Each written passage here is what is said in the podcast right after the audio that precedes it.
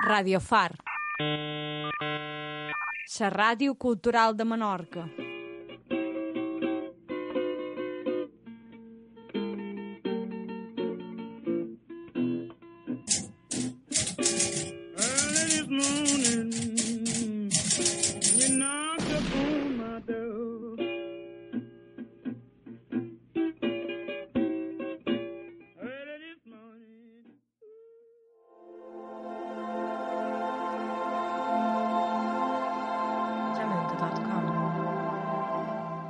Estrany és reconèixer un so com l'esgarip d'un animal ferit quan mai has escoltat l'esgarip d'un animal ferit.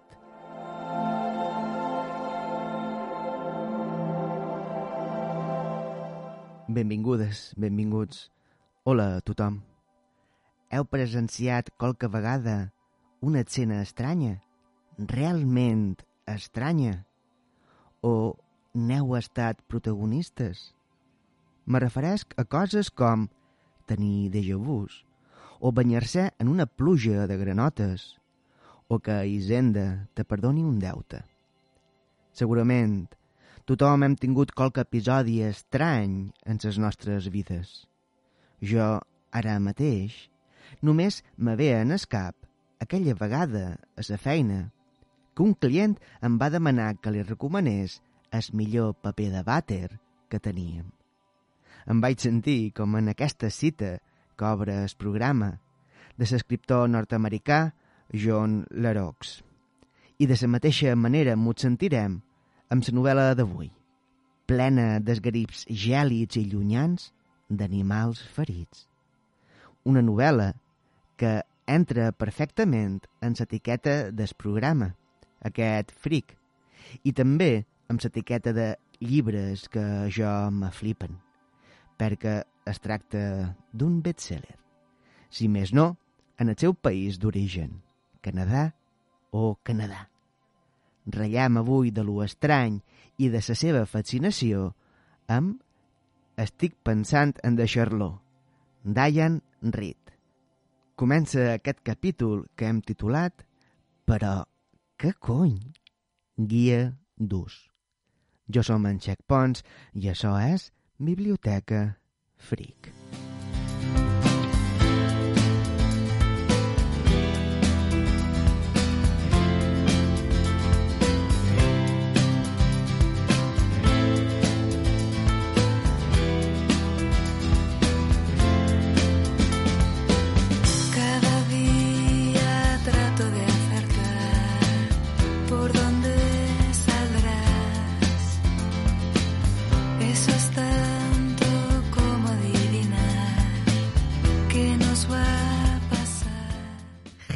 Hitazo de Cindy Pop Patri que nos va a passar de La Buena Vida, que amb aquesta pregunta que es fa la narradora de la cançó mos dona una pista de l'argument de la novel·la de la que ratllarem a continuació. Però abans me vull aturar en això que he dit a la introducció del bestseller. Com és aquesta obra que es troba en qualque llista dels més venuts i un dels camins per arribar en els llibres és la seva adaptació cinematogràfica. I si no, que li ho diguin al Senyor dels Anells. En aquest cas, l'adaptació corre a càrrec de Charlie Kaufman, guionista de fricades com Com ser John Malkovich o Oblidat de jo, director de les també fricades Sinècdoca Nova York o Anomalissa, i ara també novel·lista. Però aquesta faceta seva no en direm res perquè per jo és una història trista i dolorosa. Malkovich! Malkovich!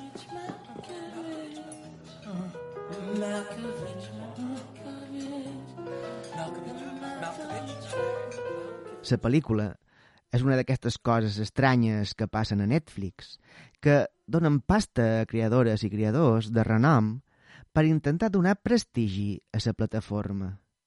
I si bé la pel·lícula no és que sigui l'hòstia amb patates fregides de restaurant, sí que em va fascinar suficientment, sobretot pel seu final per dir mm, m'agradaria llegir la novel·la.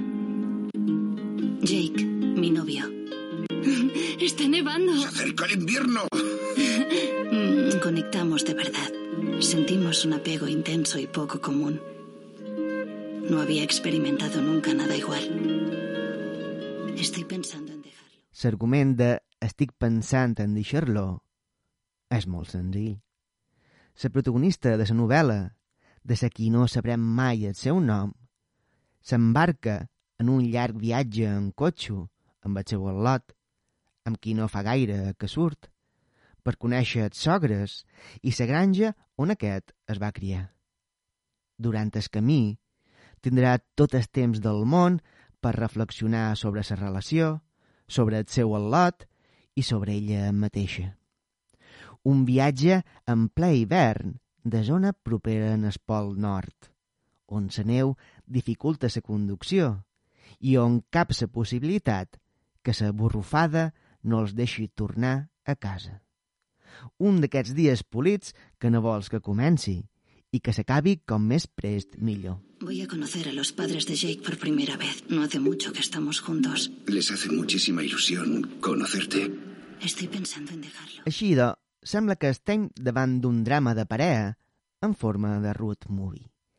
Però s'ha dit a la introducció que ratllaríem de lo estrany i les coses no són sempre el que semblen, a no ser que trobis la teva parella en el llit amb una altra. Ja des de les primeres pàgines s'intueix que qualque cosa no va bé. L'ambient és sempre tens, incòmode, molest. Els personatges pateixen contínues contradiccions de personalitat, amb constants canvis de roba, de professió, de nom. Els escenaris escasos, cosa que m'encanta, perquè és un repte mantenir l'atenció del lector amb aquesta monotonia. Tenen qualque cosa com borrosament inquietant i on destaca l'absència de gent, el que te fa despertar les pors més bàsiques. Què és el que passa a l'hivern de Fornells, quan treus els fems a les vuit del vespre, que quan mires a banda i banda del carrer, te dius... Bueno, ja el tiraré demà. Ahora bajan. Jake nos ha hablado tanto de ti. También me ha hablado mucho de ustedes. Y aún así has venido. Vull dir que hi ha qualque cosa que t'inquieta, que no saps què és, que se t'escapa, com un dolor, un lleuger mal de cap, que pot explotar en una altra cosa. Una amenaça desconeguda, una ombra sense forma, que pot saltar damunt tu en qualsevol moment. I per augmentar aquest ambient d'estranyesa i corroborar aquesta amenaça, l'acció s'interromp amb una sèrie de capítols breus que semblen presagiar que qualque cosa terrible està per venir. El drama de parella es converteix en una història de misteri i quasi de terror. ¿Perdona? No tienes por qué ir. ¿Ir a dónde? Hacia adelante. La novel·la és un monòleg interior que morralla de la identitat, de la individualitat i de la soledat, de les relacions humanes i de les manipulacions, conscients o inconscients, dels records, de la fragilitat dels records, formats majoritàriament per les paraules dels altres. Uns records que es van diluint en el llarg del temps i que es fixen en la nostra ment amb el relat oral o amb objectes testimonials, per la qual cosa es fa molt difícil saber què és propi i què és dels altres, què és imaginació i què és veritat. Els records són éssers vius en un constant procés de transformació, on res és definitiu. I tot això per conduir-nos a l'estrany, incomprensible i fascinant caos del seu final. En una entrevista a Faulkner, l'entrevistador li va retreure a l'escriptor que no entenia les seves novel·les ni llegint-les tres vegades. per la qual cosa li va demanar què havia de fer per entendre-les. A lo que Faulkner va respondre llegir-les una quarta vegada. No estic segur si amb aquesta quarta vegada de llegir aquest final serà suficient per entendre ni que sigui la puntuació. Las personas suelen verse como puntos moviéndose a través del tiempo. Pero yo creo que es lo contrario. Nos quedamos inmóviles. Y el tiempo pasa a través de nosotros. Soplando como un viento frío. I per acabar aquest apartat, vos deix amb una llicència poètica de la pel·lícula, mai més ben dit, amb un poema estratosfèric de la poeta canadenca Eva H.D. Coses de poetes. Inèdita en el nostre país, que també va ser una de les coses que em van impulsar a llegir la novel·la, però, com he dit, no apareix en ell. K d'ossos.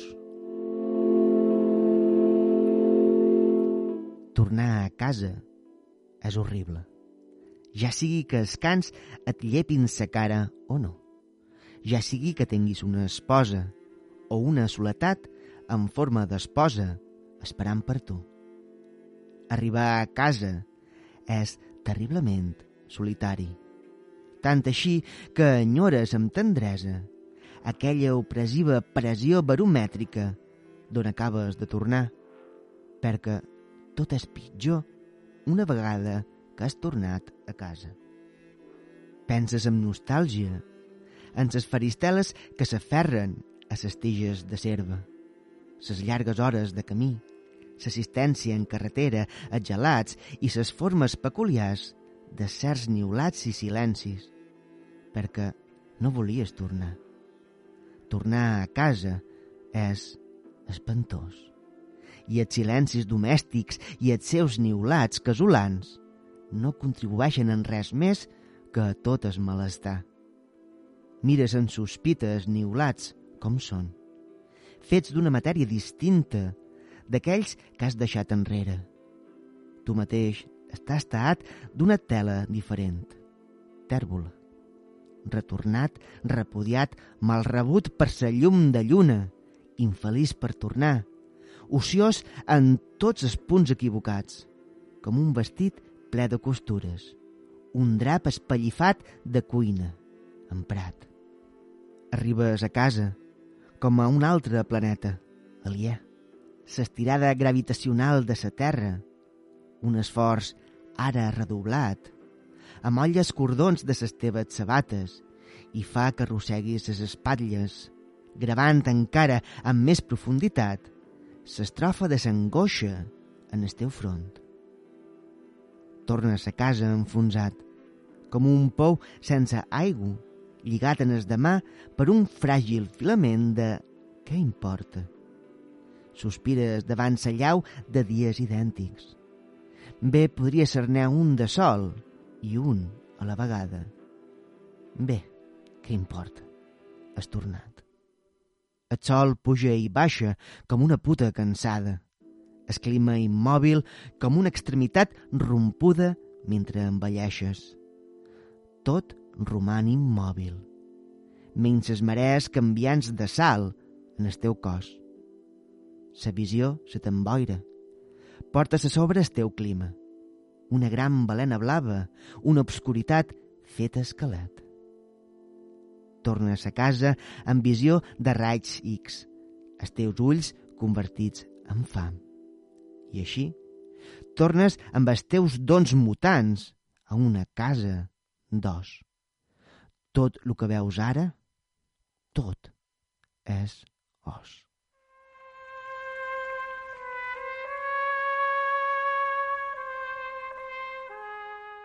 La llagosta a la biblioteca.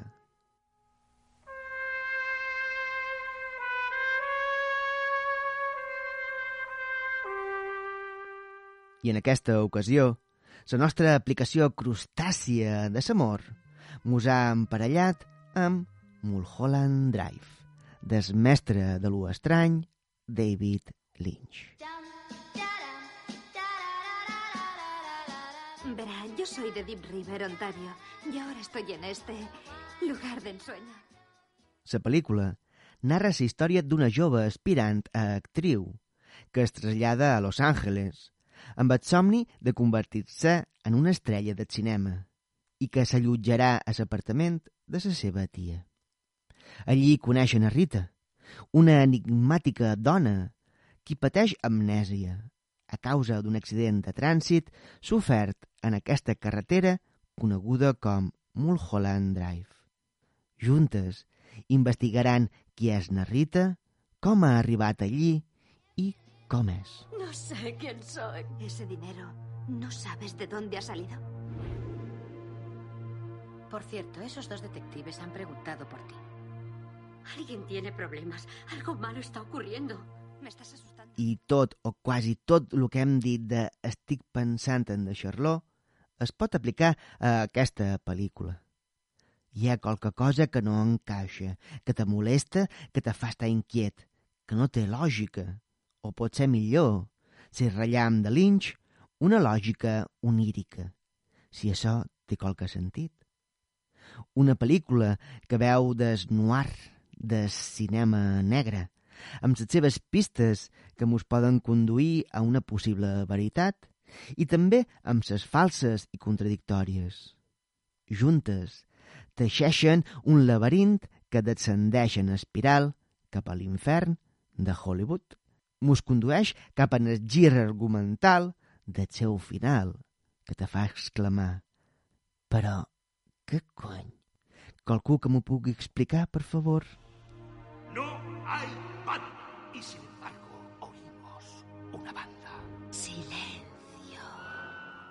Somiar és molt polit i no hi ha res de dolent en imaginar l'assoliment d'aquest somni.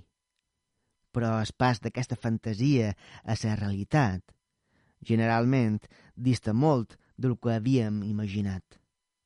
Jo també somí, i el meu consell és que ho feu amb humilitat i que aneu xinoxano. Tot arriba, i si no, bueno, què hi farem? El manco podrem dir que hem somiat.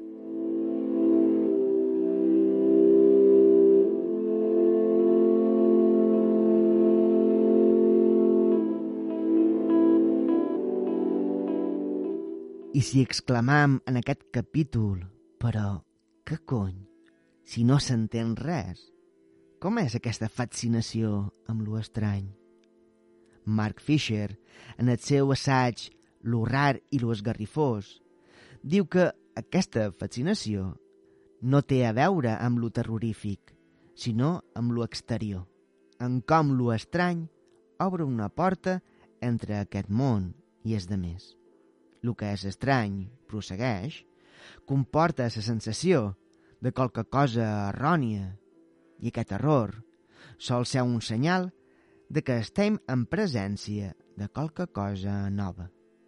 I pot ser és en aquesta novetat, en el que és nou, on radica aquesta meva estranya fascinació. Ara bé, aquesta possibilitat mos du a una altra problemàtica.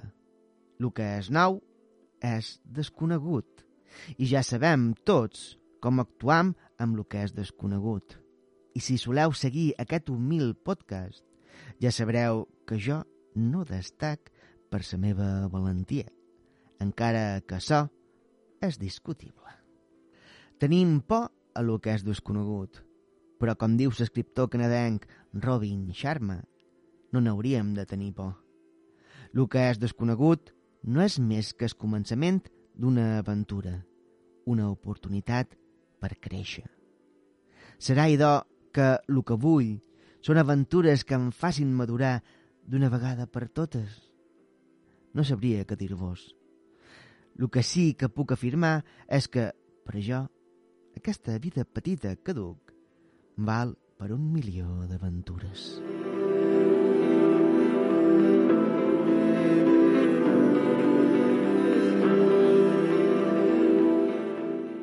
I fins aquí el capítol fric de la temporada. Si no vaig errat, no hi haurà més estranyesa de la bona, bona en pròxims programes. Però com que la vida és canviant, qui sap si els plans faran un bot de 180 graus.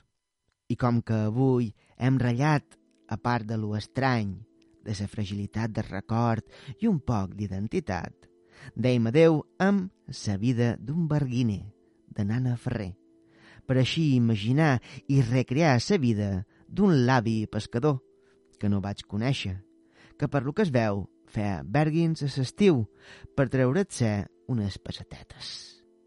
O potser era l'avi d'un altre i el meu era estraperlista.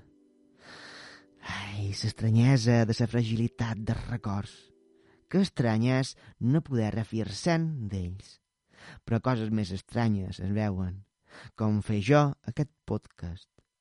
O no ho és tant. Moltes gràcies per escoltar-nos i fins a pròxima. Mos veiem en les paraules escrites.